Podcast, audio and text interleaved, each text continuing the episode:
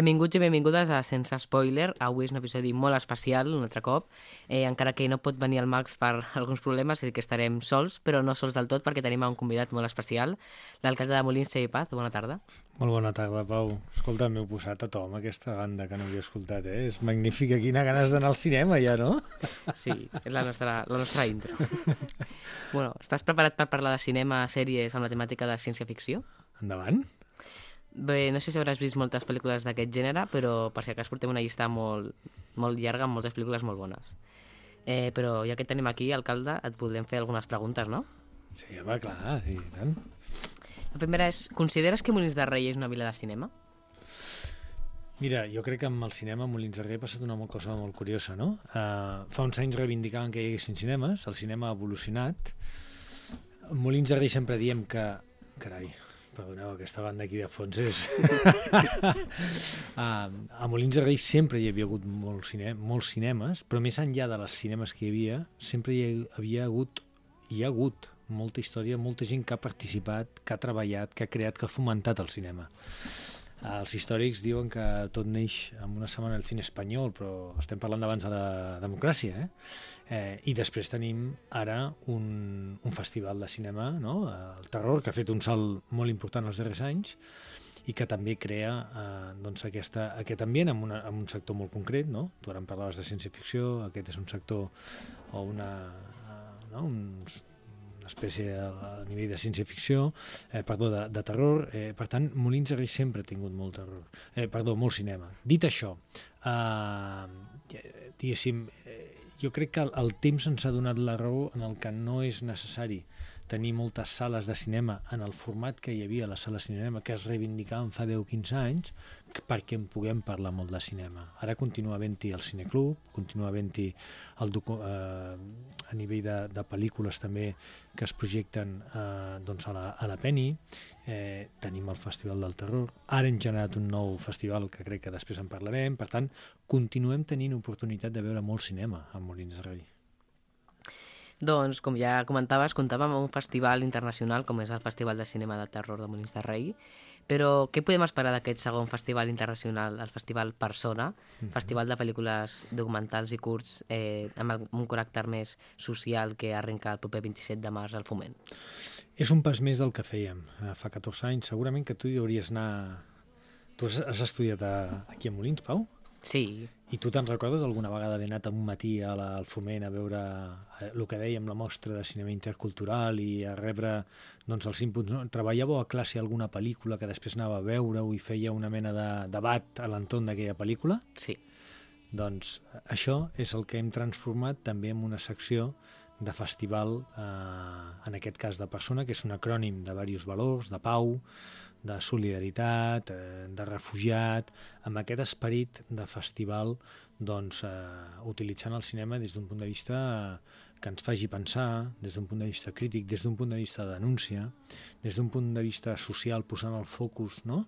Eh, aspectes que sovint no veiem tan freqüentment, però que també necessiten de la nostra atenció. Això és el que fem, evolucionar aquella mostra de cinema intercultural que sobretot tenia una vessant cap a vosaltres, cap a les escoles, eh, i això ho mantenim i ho ampliem, aquest festival, eh, que vol dir aquesta part competitiva de pel·lícules també enfocat eh, des d'aquest vessant social, de crítica i de denúncia. I aquest festival creus que és més ambientat a un públic adult o que també es podria ser atractiu i més orientat cap a un públic adolescent? Ja no tan infantil. Jo, jo crec que, evidentment, a les Tardes és un públic sobretot adult.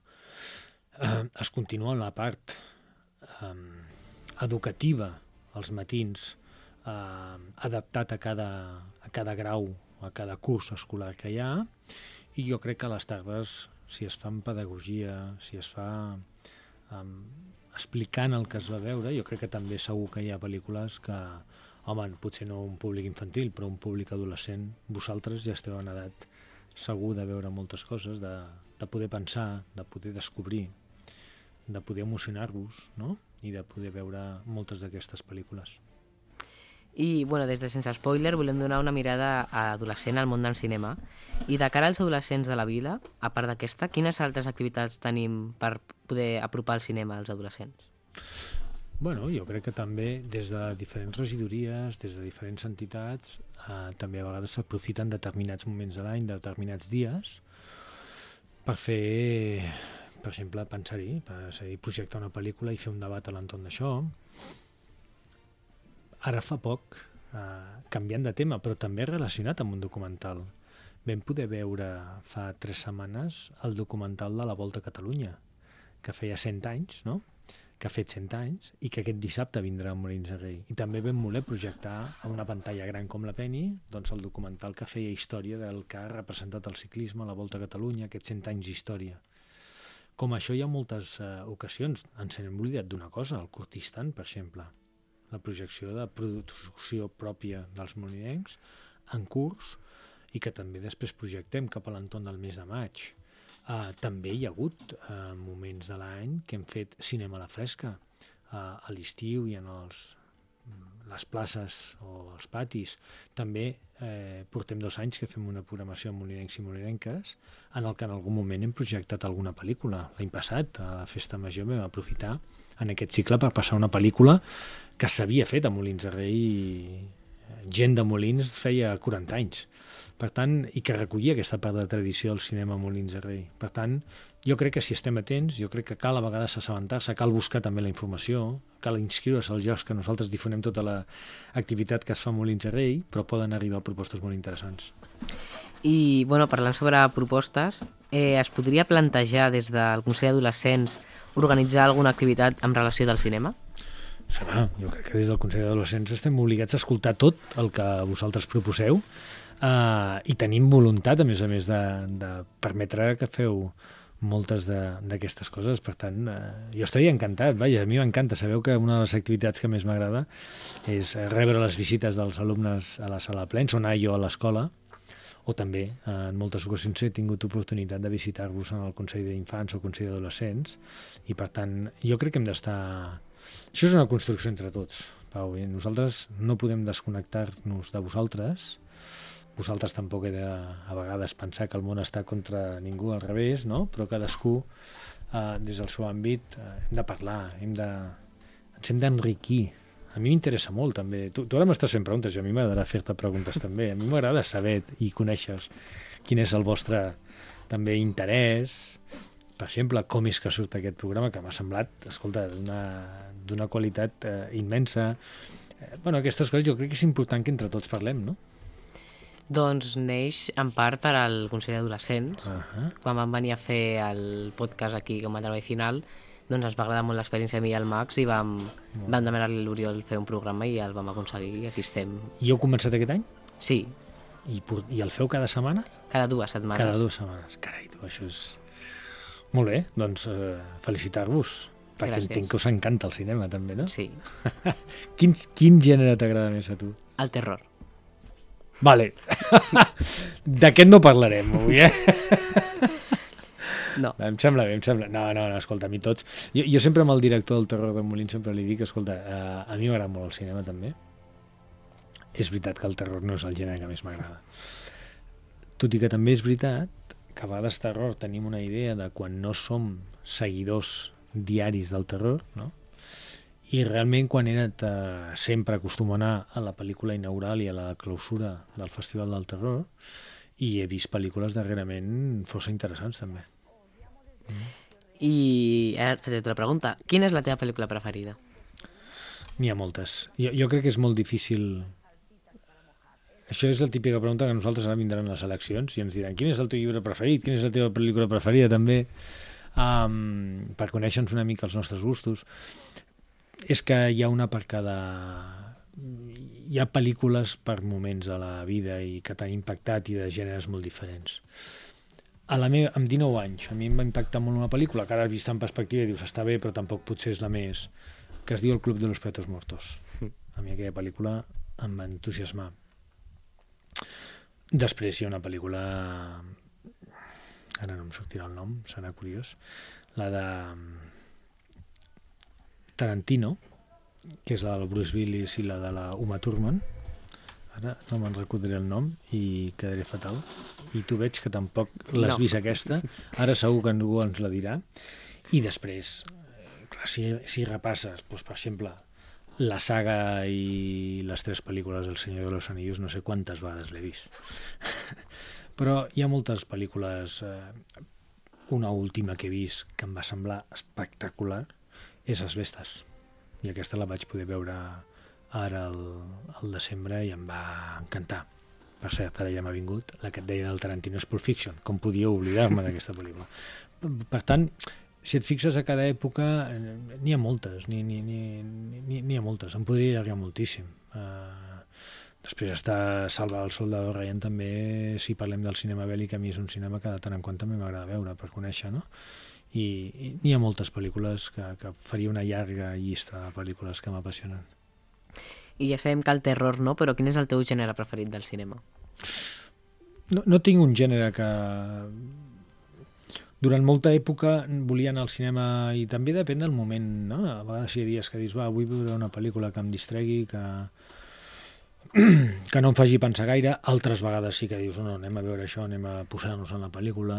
Eh, ara puc anar menys al cinema, però tot i així eh, les històriques m'agraden molt, eh, i a mesura que parlo amb tu penso, l'altra la, que vaig veure fa poc i em va encantar, és eh, una pel·lícula eh, política sobre un fet històric d'Argentina que és 1985, que és el judici de la, que la República Argentina fa als responsables de la dictadura argentina, no? i em va semblar eh, espectacular, amb un paper protagonista de Ricardo Darín eh, magnífica. No? Eh, les pel·lícules polítiques també, per exemple tens una que és eh, ara Los idos de marzo, ara aquesta fa uns 6-7 anys, que també és eh, boníssima. Gèneres, et puc dir que...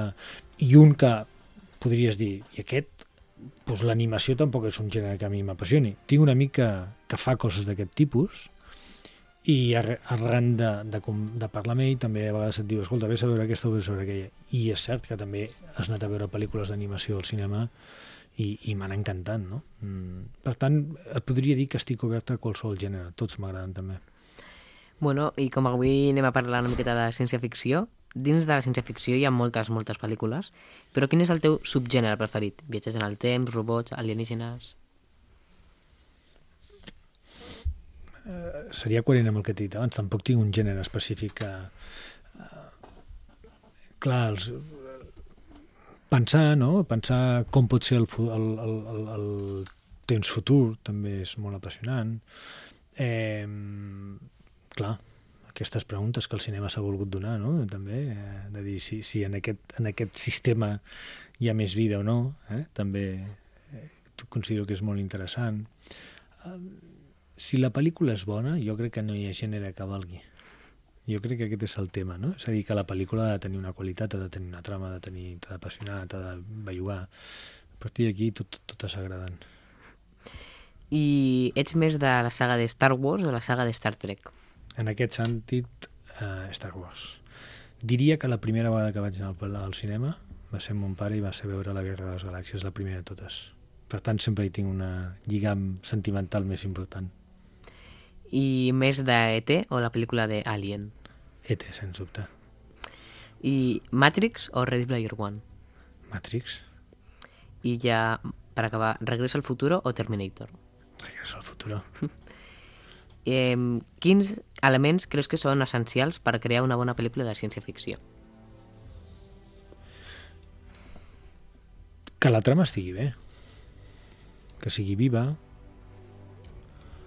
que no tingui moments d'aquells que sembla que dius que estiguin per omplir, a vegades també hi ha, hi ha hagut alguna d'aquestes pel·lícules que dius ah, potser no calia allargar-la tant per posar això, no?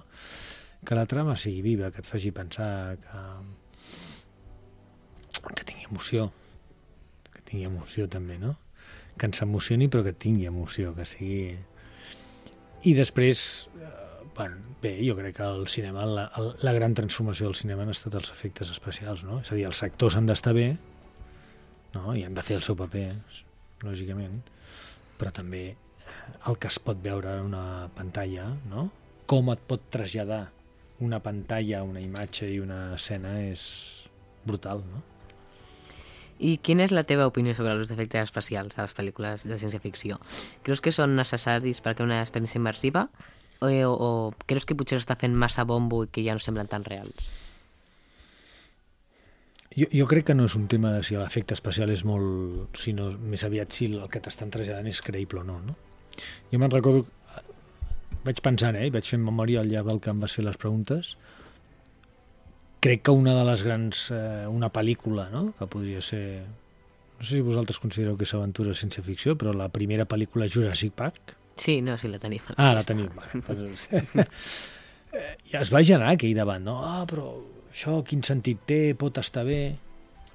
Carai, la màgia del cinema, per mi, eh, és que més enllà de si al final allò acaba bé o no, aquell dia tu estàs en una pantalla, estàs veient uh, aquella qüestió que només havies vist en els llibres, no? I t'imaginaves, no? I et recreaven i et feien viatjar a un lloc que hi havia doncs, dinosaures, no?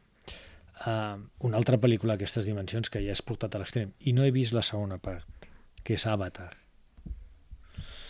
pel que em diuen clar, el problema és quan la trama que hi ha al darrere ja tampoc és gaire reeixida llavors segurament per molt desplegament que hi hagi doncs queda una mica orfa la pel·lícula no? tot i així els que els amics que l'han vist em diuen potser la trama és, queda orfa però és tan bestial els efectes eh, doncs aquells aquàtics no? d'Avatar que, que val la pena veure-les no? i això jo crec que portaria un altre debat que és el que tenim ara a vegades no?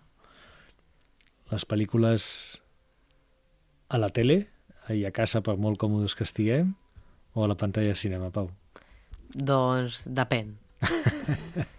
Eh, jo crec que ara s'està normalitzant molt més el veure pel·lícules a, a casa teva perquè és molt més fàcil i, i, i còmode, però jo crec que algunes, com per exemple Avatar, s'han de veure a la pantalla gran. Coincideixo plenament amb tu. I quina és la teva opinió sobre les pel·lícules de ciència-ficció que es basen en llibres i còmics? Creus que les adaptacions són fidels a l'obra original? Hi haurà tot, no? Tampoc sóc tan expert en ciència-ficció per dir-te ara mira aquesta sí, aquesta no. Jo crec que dependrà, no? Però, bueno, jo crec que hi ha de tot, no? És a dir, um, si el Senyor de los Anillos ho considerem... Bueno, seria fantasia més que ciència-ficció, però, no? Mm. Sí. A, a mi, el, recordo de jove, 21 anys, vaig llegir el llibre, uh, em va apassionar, i després jo no sé si era del tot fidel o no, hi ha passatges... És pràcticament impossible recollir en una pel·lícula, per molt que fos una trilogia de tres hores cadascuna, la riquesa no? i tot el món imaginari que un llibre de 1.100 fulles és capaç de crear-te. No? Um, per tant, jo crec que cadascú té la seva... Cost... O sigui, que cada àmbit no? té la seva, el seu públic, el seu moment, la seva forma de disfrutar-ho. Per tant, uh, jo crec que si està, el diferencial és la qualitat. Si està ben fet, que es puguin donar llicències també jo crec que està bé. Que no hagin de recollir exactament tot com és un llibre, perquè si no seria al final la imatge d'un llibre tampoc. I el, el cinema té les seves pròpies regles, com la literatura també té les seves pròpies regles. I quina és la teva opinió sobre, en general, ja no de ciència-ficció, sinó sobre les seqüeles i els remakes eh, del, del, gene, del cinema en general? Creus que afegeixen alguna cosa nova al gènere o que simplement són intents de capitalitzar l'èxit d'una pel·lícula anterior? Oh, hi ha hagut, uh, jo crec que hi ha hagut èxits, no? també. És a dir, allargar per allargar, per descomptat que no. Però quan hi ha hagut un... No? I és lògic pensar que a vegades quan es fan nou pel·lícules que t'acaben de configurar una trama, no? doncs eh, diguis, home, aquesta m'agrada més que l'altra o ja has vist l'evolució dels efectes, no? Però jo crec que si et fan vibrar i et, fan, i et continuen vibrant eh, jo darrerament era una mica més de sèries tot i que l'últim any em costa perquè no trobo tot el moment que tenia abans però per exemple um, Joc de Trons tu l'has vist? No l'has vist? Al Maxi. Ah, vale. A mi em va apassionar. Clar, saps que aquest any va sortir la primera temporada no? del, del món previ, no? Doncs jo crec que està bé, que continuem ambientant-nos en aquella època, que et donin més informació, que et facin vibrar també de nou. Si es fa bé, per què no fer-ho? I quina és la teva perspectiva sobre el futur del cinema de ciència-ficció? Creus que continuarà sent un gènere popular i rellevant en els propers anys? T'ho dic al revés, no se m'acut la idea per la qual no pot continuar imaginant-nos el, uh, un futur, qualsevol cosa, no? És a dir, una animació del que és això, la ciència-ficció. Um, sí, que ha de continuar traslladant-nos, segur que sempre hi haurà motius a partir dels quals puguem pensar. Um, no sé si coneixes, per exemple, és la tercera vegada que ho dic, perquè vaig pensant a mesura que, que, que vaig parlant amb tu, la pel·lícula Gataca. Quina? Gataca? No, no la conec. Gataca és una, jo crec que es qualificaria de ciència-ficció. I és tot una mica sobre un món també on se separa la gent en part per, pel codi genètic. Clar, quan es va fer, la descoberta del codi genètic semblava molt més llunyà, però ara ja ho tenim. Per què no s'han de poder continuar fent coses d'aquest tipus, no? Pues, jo crec que sí que sempre tindrà, sempre tindrà moments on agafar-se. Doncs, relacionat amb això, eh, moltes pel·lícules antigues eh, passen, parlen del futur com anys actuals, com l'any 2019, 2020, 2012. Així que ara parlarem de pel·lícules futuristes que ja se'ns han quedat en el passat. Són pel·lícules que es van imaginar un futur que ara és el nostre present i que ja s'han ava- avançat les dates a les que estaven ambientades, com per exemple Blade Runner, que està estrenada el 1982 i estava ambientada en l'any 2019. És una pel·lícula de Ridley Scott amb una visió del futur en la que es veien cotxes voladors, robots humanoides i tecnologia massa avançada per lo que realment disposem actualment. Eh, també podem veure de, anuncis d'empreses com Atari o Panam que ja no existeixen al nostre present. Sí que van encertar amb la globalització de la cultura asiàtica, en aquest cas. No sé si has vist Blade Runner? Sí, sí que l'he vist. A més, fa poc la vaig poder tornar a veure. Um, no tenim cotxes voladors, però ja ens anuncien que aviat tindrem a lo millor les ciutats inundades de drons, no? Um, I humanoides, depèn com, ja podem començar a veure. Per tant, um, i, i més el que has dit, no? Um, el món ja no és tan petit, ja no és tan gran, ja és més petit, ja, ja, ja, ja tenim molt més coneixement de la cultura asiàtica, ja... tot i que del que has dit eh, hi ha una cosa a destacar, eh, que és que la, les empreses també poden arribar a ser fràgils i poden arribar a desaparèixer, no? Com, per exemple, aquestes dues que sortien, doncs que al final no van ser capaços de crear una nova empresa o no, no hi van pensar, van pensar que les empreses podrien durar i al final està arribant al futur però amb empreses diferents o canviades, evolucionades amb uns altres noms, no?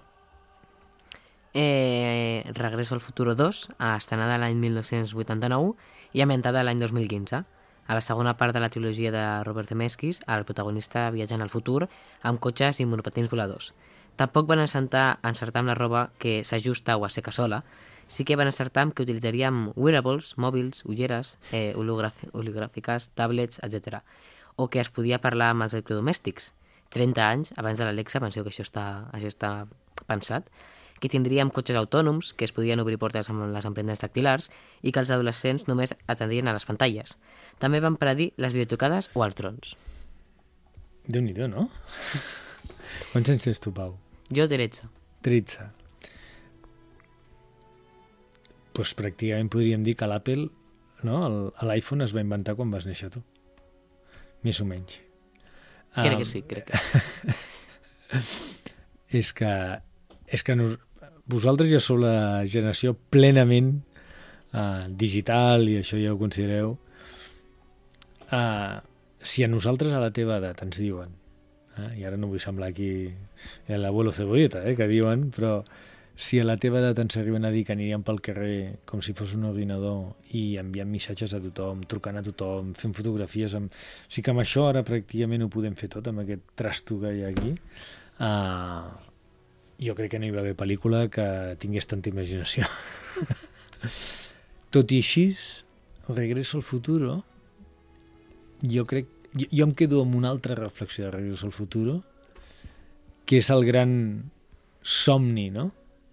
Que és una de les coses que, no està ni... no sé, jo això ja els científics no, ja ens ho diran, però que és el viatge en el temps, que és una dèria, una obsessió, un somni eh, dels humans, no? Eh, i que et plantejaria molts temes, no? Si, si has de tornar enrere, modificar tot... Et... Però el concepte temps, el concepte viatge en el temps, que ha estat un dels grans somnis i per això ha generat també pel·lícules, no? I ara vinc, ara no vinc, ara estic, ara no estic. Uh, jo crec que és el més important que trasllada aquesta pel·lícula, no? Regreso al futur. També tenim 2001, una odissea a l'espai, estrenada l'any 1268 i inventada l'any 2001, com bé indica el títol. És una pel·lícula de Stanley Kubrick basada en la novel·la d'Arthur Clare, que va predir, que va predir, va predir 25 anys abans el turisme espacial i les videotrucades, però l'encert més rellevant d'aquesta pel·lícula és els assistents virtuals. En HAL 900 és una intel·ligència artificial que parla amb els humans, els resol dubtes i problemes molt similars a la Siri o a l'Alexa. També podem veure tablets molt abans, molt més abans de que tinguéssim els iPads. Això el 2001, que el 2001 ja em diràs tu, no? Tot el que vam parlar el 2001 i al final el 2001 quedarà la història com l'any aquell que dos avions es van estavellar a unes torres bessones amb un atemptat terrorista que no mai havíem pogut imaginar, no? Eh, però sí, eh, ja tenim videotrucades, ho vam descobrir tots i vam aprendre tots ara fa dos anys, amb, tres anys amb la Covid, no? Eh, I ara, si et fixes, el gran debat que tenim els últims tres mesos és aquest concepte i el, el salt sideral que pot donar la intel·ligència artificial, no? amb aquests eh, utensilis i aquests eh, el xap eh, GPT, eh, el que ens diuen que serà capaç de fer doncs, eh, una màquina. Um, de fet, ara ja comencen a dir que si alguns textos ja costa diferenciar si els ha fet una persona o una, la intel·ligència artificial i sobretot la capacitat que té d'aprendre tan ràpidament a mida que tots anem consultant allò, no? Jo, jo crec que el, és a dir, el que ens, la revolució que estem visquent, això que t'he dit abans, que fa 13 anys quan tu vas néixer, tot just s'inventava l'iPhone, ens posa en un horitzó de la rapidesa amb la que estan canviant les coses que jo crec que encara no acabem de visualitzar del tot.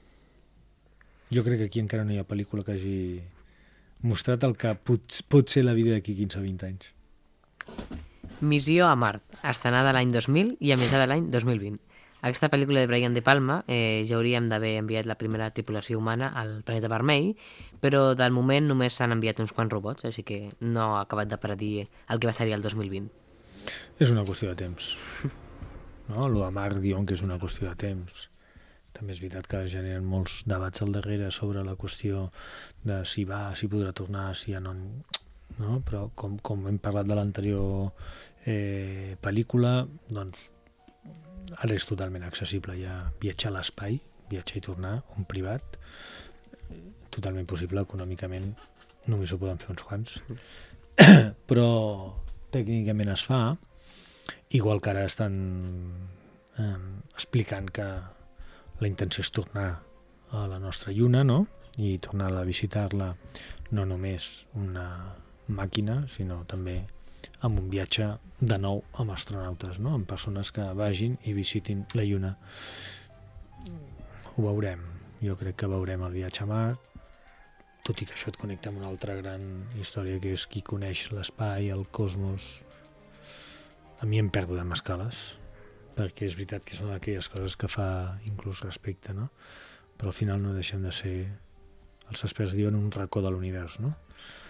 Però és el nostre racó i és el que hem de cuidar i si parlem en termes de terra també abans d'ahir ens deien que hem de prendre algunes decisions perquè se'ns està acabant el temps perquè aquest planeta continuï tenint uns nivells òptims de, de, de biodiversitat, que no estigui sotmès a un increment de temperatura eh, que pugui provar, posar en risc tal com és ara i tal com el vivim ara. Akira, estrenada l'any 1988 i ambientada l'any 2019. És un clàssic d'animació japonès que ens representava el futur a l'estil Blade Runner, però l'any 2019 real no s'assembla gens a la ciutat pensada pel còmic de Katishiro Tomo. No sé si has vist aquesta pel·lícula. No, aquesta no l'he vist, Pau. Bueno, i a veure si la segona et sona. És 1977, Rescat a Nova York, ambientada l'any 1997 i estrenada l'any 1981. Eh, John Carpenter eh, va ambientar la pel·lícula en un futur distòpic en el que l'illa de Manhattan s'ha convertit en una gran presó. I l'any 1997 ja ens queda lluny i seguim sense ser Manhattan una presó. Doncs aquesta tampoc l'he vist, tot i que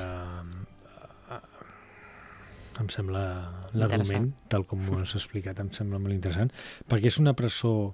Tu l'has vist? No. No.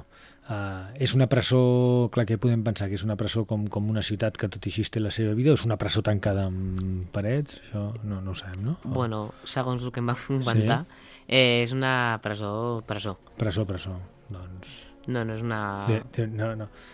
Ja, ja ens entenem. No, no, Déu-n'hi-do. No, no, no l'he vist, però sembla interessant també. Aquesta sí que és més coneguda, 2012, estrenada l'any 2019 i ambientada al 2012. És una, una pel·lícula catastròfica basada en la profecia dels maies, en el qual el món s'acabava l'any 2012.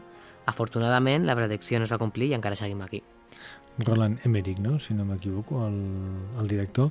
Um, bo, aquesta està bé, és, és, bueno, és d'aquesta no recordo malament, acaba amb aquells vaixells transatlàntics enormes en els que se salven uns quants, però hi ha tota una història al darrere. Um, és un altre dels clàssics, no?, anunciar la fi del món, uh, que no sabem si vindrà o no, però en qualsevol cas uh, el que nosaltres hem de fer és cuidar aquest món perquè no, no siguem nosaltres els que haguem de provocar aquesta fi del món i de mentre doncs, distreure'ns en aquestes qüestions del cinema que sempre són interessants.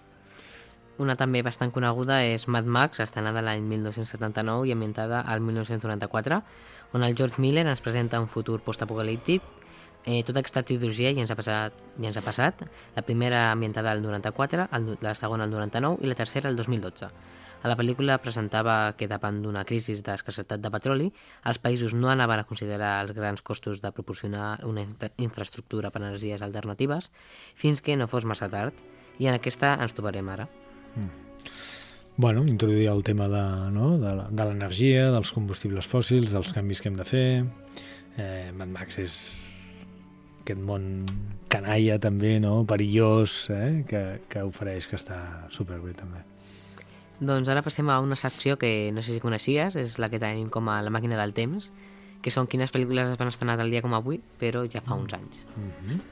Comencem amb una molt reconeguda, és El Padrino, estrenada fa 51 anys, una obra mestra del cinema i dirigida per Francis Ford Coppola, basada en la novel·la de Mario Puzo.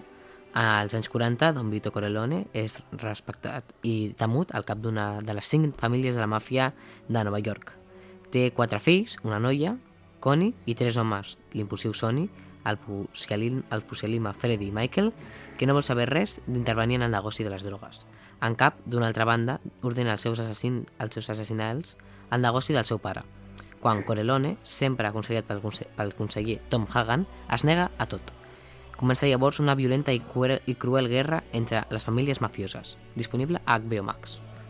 Um, aquesta pel·lícula jo no sóc objectiu, perquè al meu pare li agradava moltíssim el gènere de la màfia i tot el que representava, jo crec que a casa l'havien vist moltes vegades.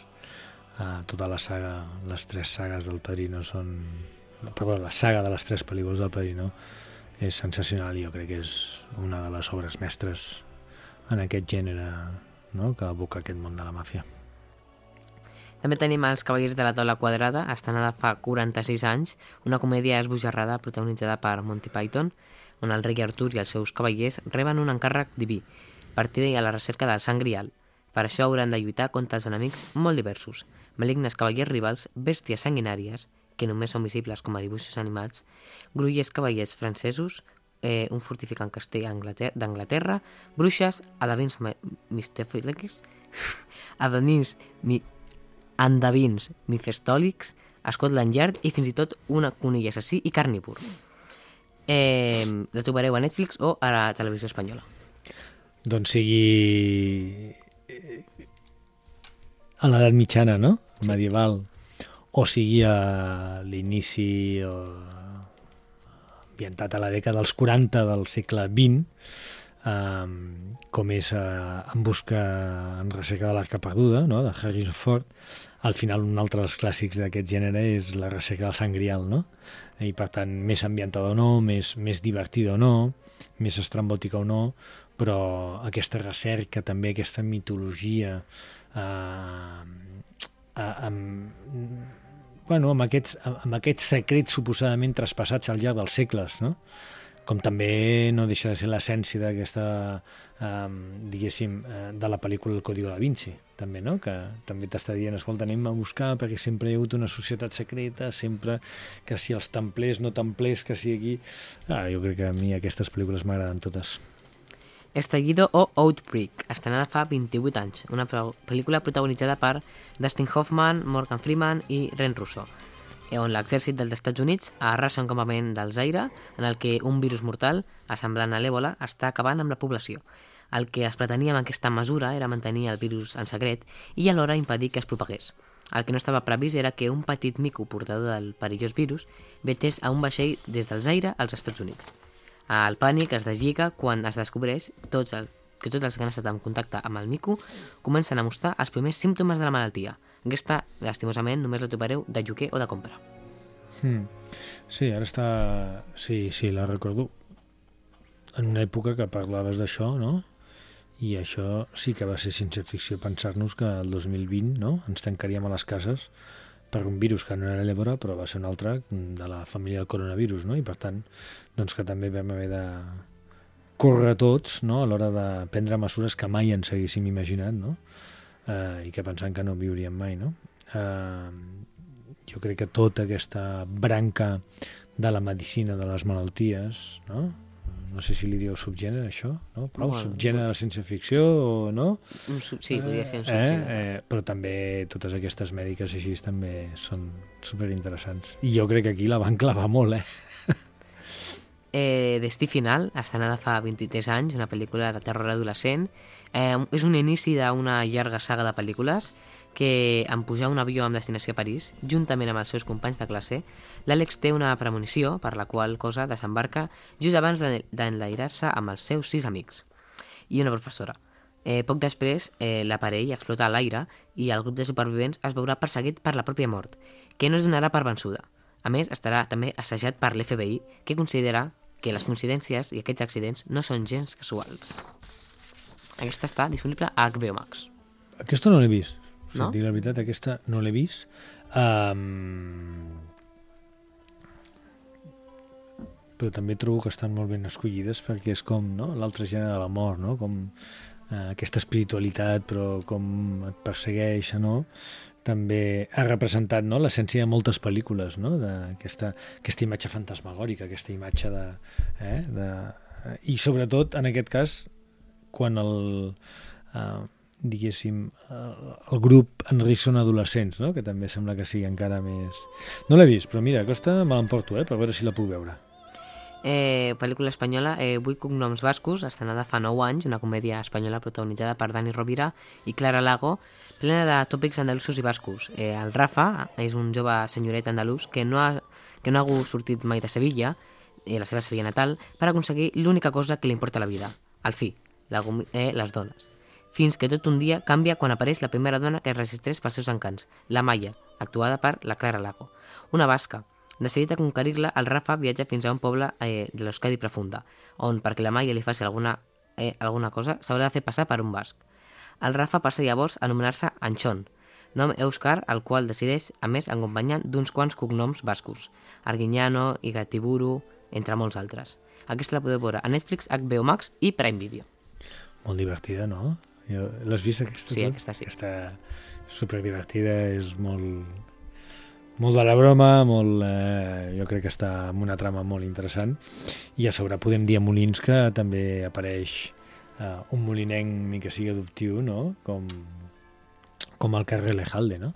Uh, jo crec que està molt bé i la veritat és que és d'aquestes que quan a vegades dèiem no? i quin uh, cinema t'agrada? Doncs pues mira, escolta, hi ha moments de la...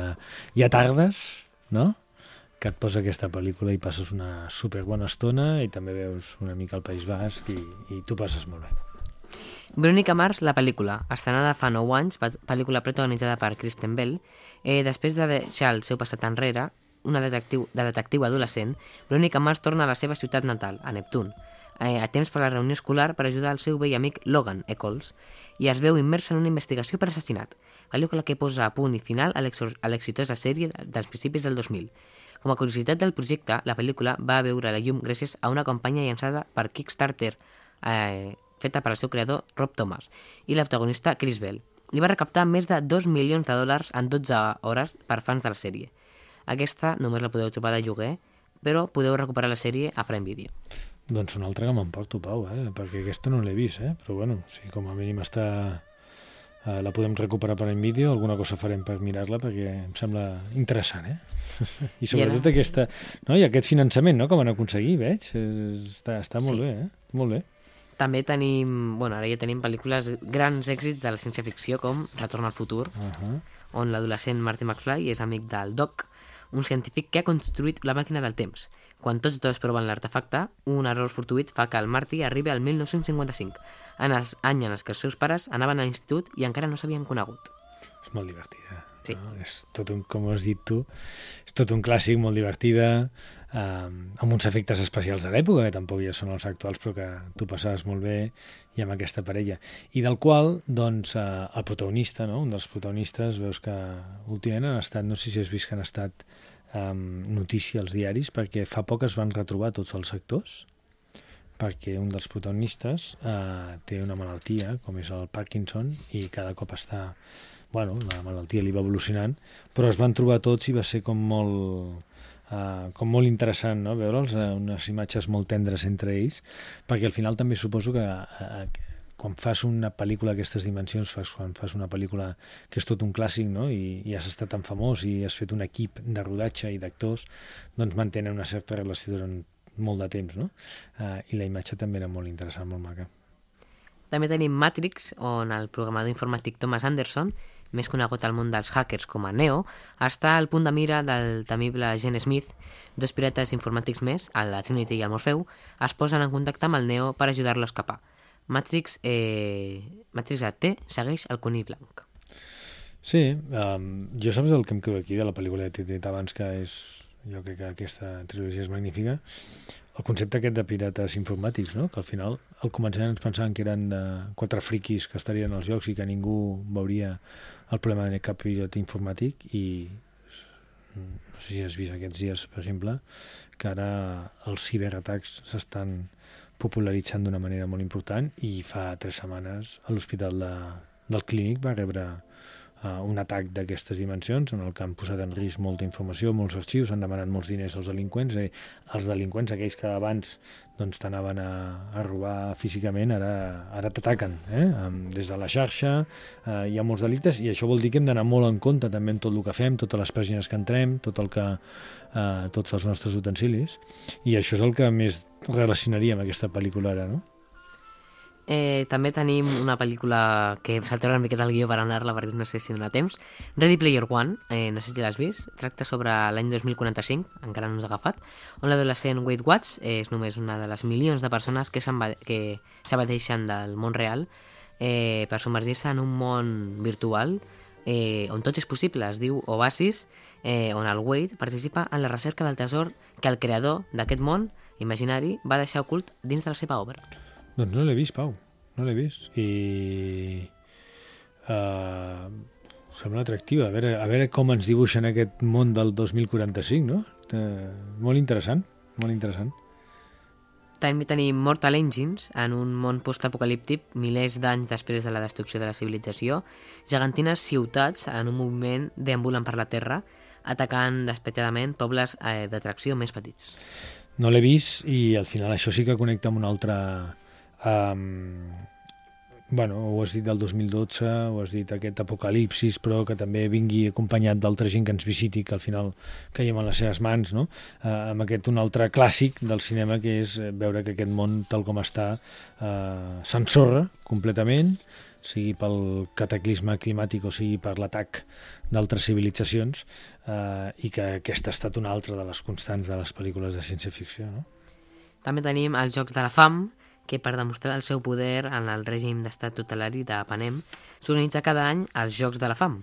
En ells, 24 joves competeixen l'un contra l'altre en una batalla a la que només hi pot haver un supervivent. La jove Katniss s'ofereix voluntària per participar als Jocs, així salvant la seva germana.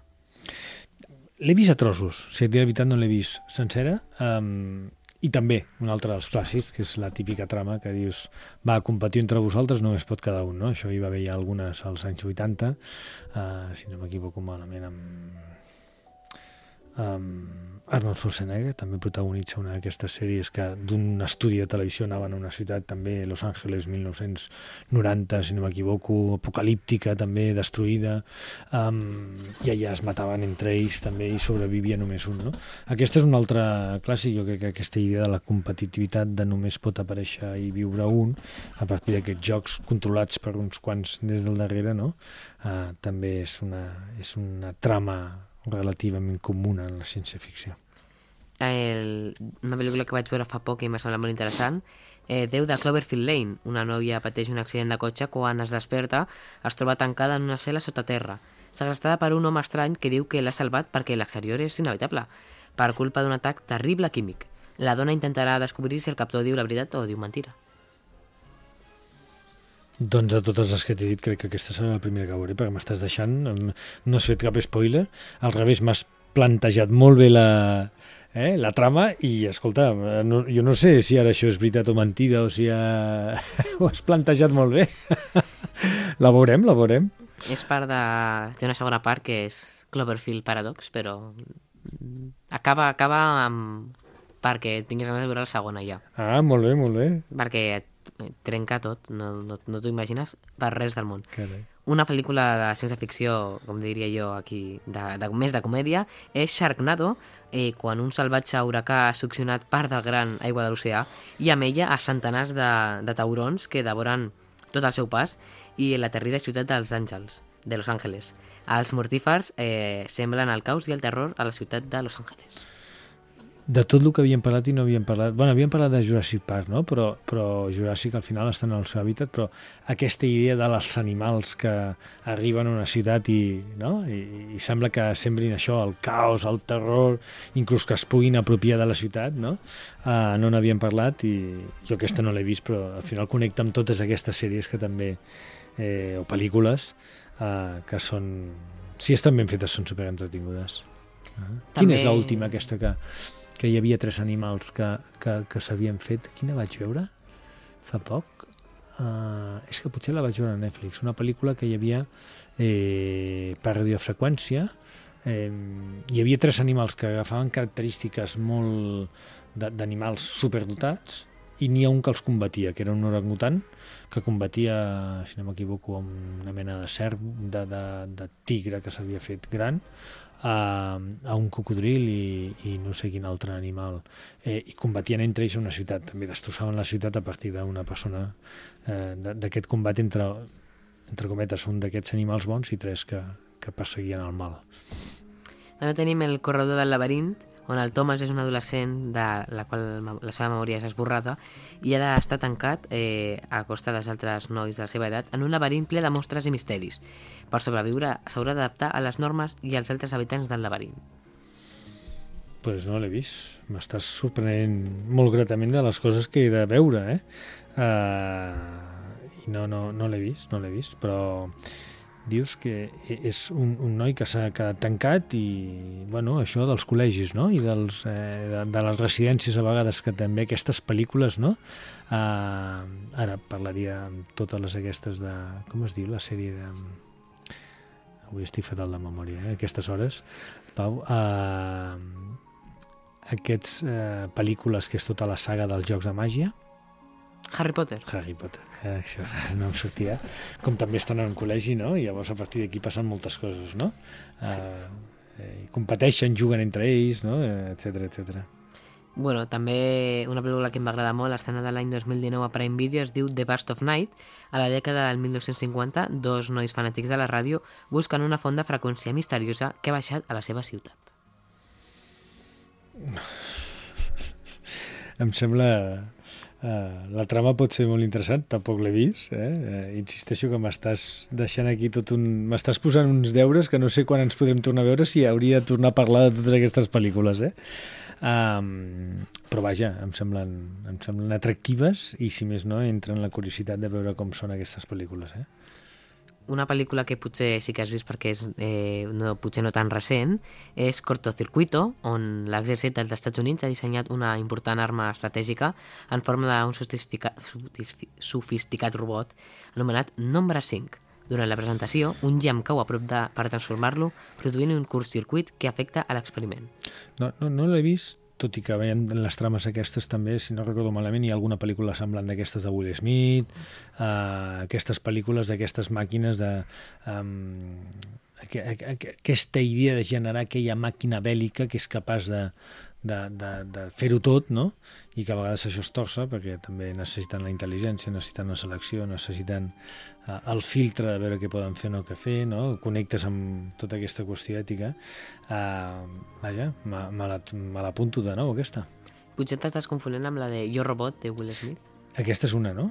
Sí. No, no, no, no, no dic que fos aquesta, dic que forma part d'aquesta trama que sí. Jo Robot, per exemple, però també hi ha alguna altra bèl·lica d'aquestes sentits també que, uh, que és capaç de, de, de fer-ho tot pràcticament, vaja. I ja per, a, per acabar tenim a Tobades a la tercera fase, on un parell de ciutadans normals eh, contemplen en primera persona l'aterratge d'un objecte estrany i no pararan fins a descobrir la veritable arrel de l'enigma. um, la visita d'algú de fora d'aquest planeta sempre ha tret no? i ha estat, uh, ha estat una font de moltes pel·lícules, de, de molts enigmes, de què, què, ens portarien, no? Si, uh, si ens podem socialitzar amb ells, si podem interactuar amb ells, si venen en son de descoberta de pacte, si en són d'aniquilació de la barbàrie, no? de la civilització, um, però aquesta imatge no? d'una màquina, sigui disc, sigui el que sigui, visitant-nos eh, sempre... Eh, I mira, parlant amb tu d'això, em ve al cap una altra saga d'aquestes que és eh, eh, Men of Black. Men in Black. Men, Men in Black, no? Men, Men, Men of Black. Men in Black, no? Que són aquestes que també són no? una, una certa ciència-ficció, no? També, amb, amb tots aquests eh, individus, no? O espècimens de, de planetes eh, que no són el nostre i que també com, com es controla, com s'interactua, com s'endinsen, com eh, s'introdueixen al nostre planeta, no? Doncs, bueno, moltes gràcies per venir, Xavi. No, home, no, gràcies a vosaltres. I a moltes tu. gràcies per... Que es millori el, el Max, no? I, I tu, en aquest sentit, eh, escolta, felicitats per tot el que feu, per aquesta passió pel cinema que teniu, que això sempre és super interessant, que tingueu aquest estímul de passar-ho bé, però i a l'hora d'aprendre, i a sobre amb aquesta fantàstic podcast, programa que feu aquí a la ràdio, que jo crec que és super interessant i moltes gràcies també a la gent per escoltar el programa i recordeu que ens veiem d'aquí dues setmanes a Ràdio Molins de Rei, Spotify, YouTube, on ens escolteu. Adeu, adeu. Adeu.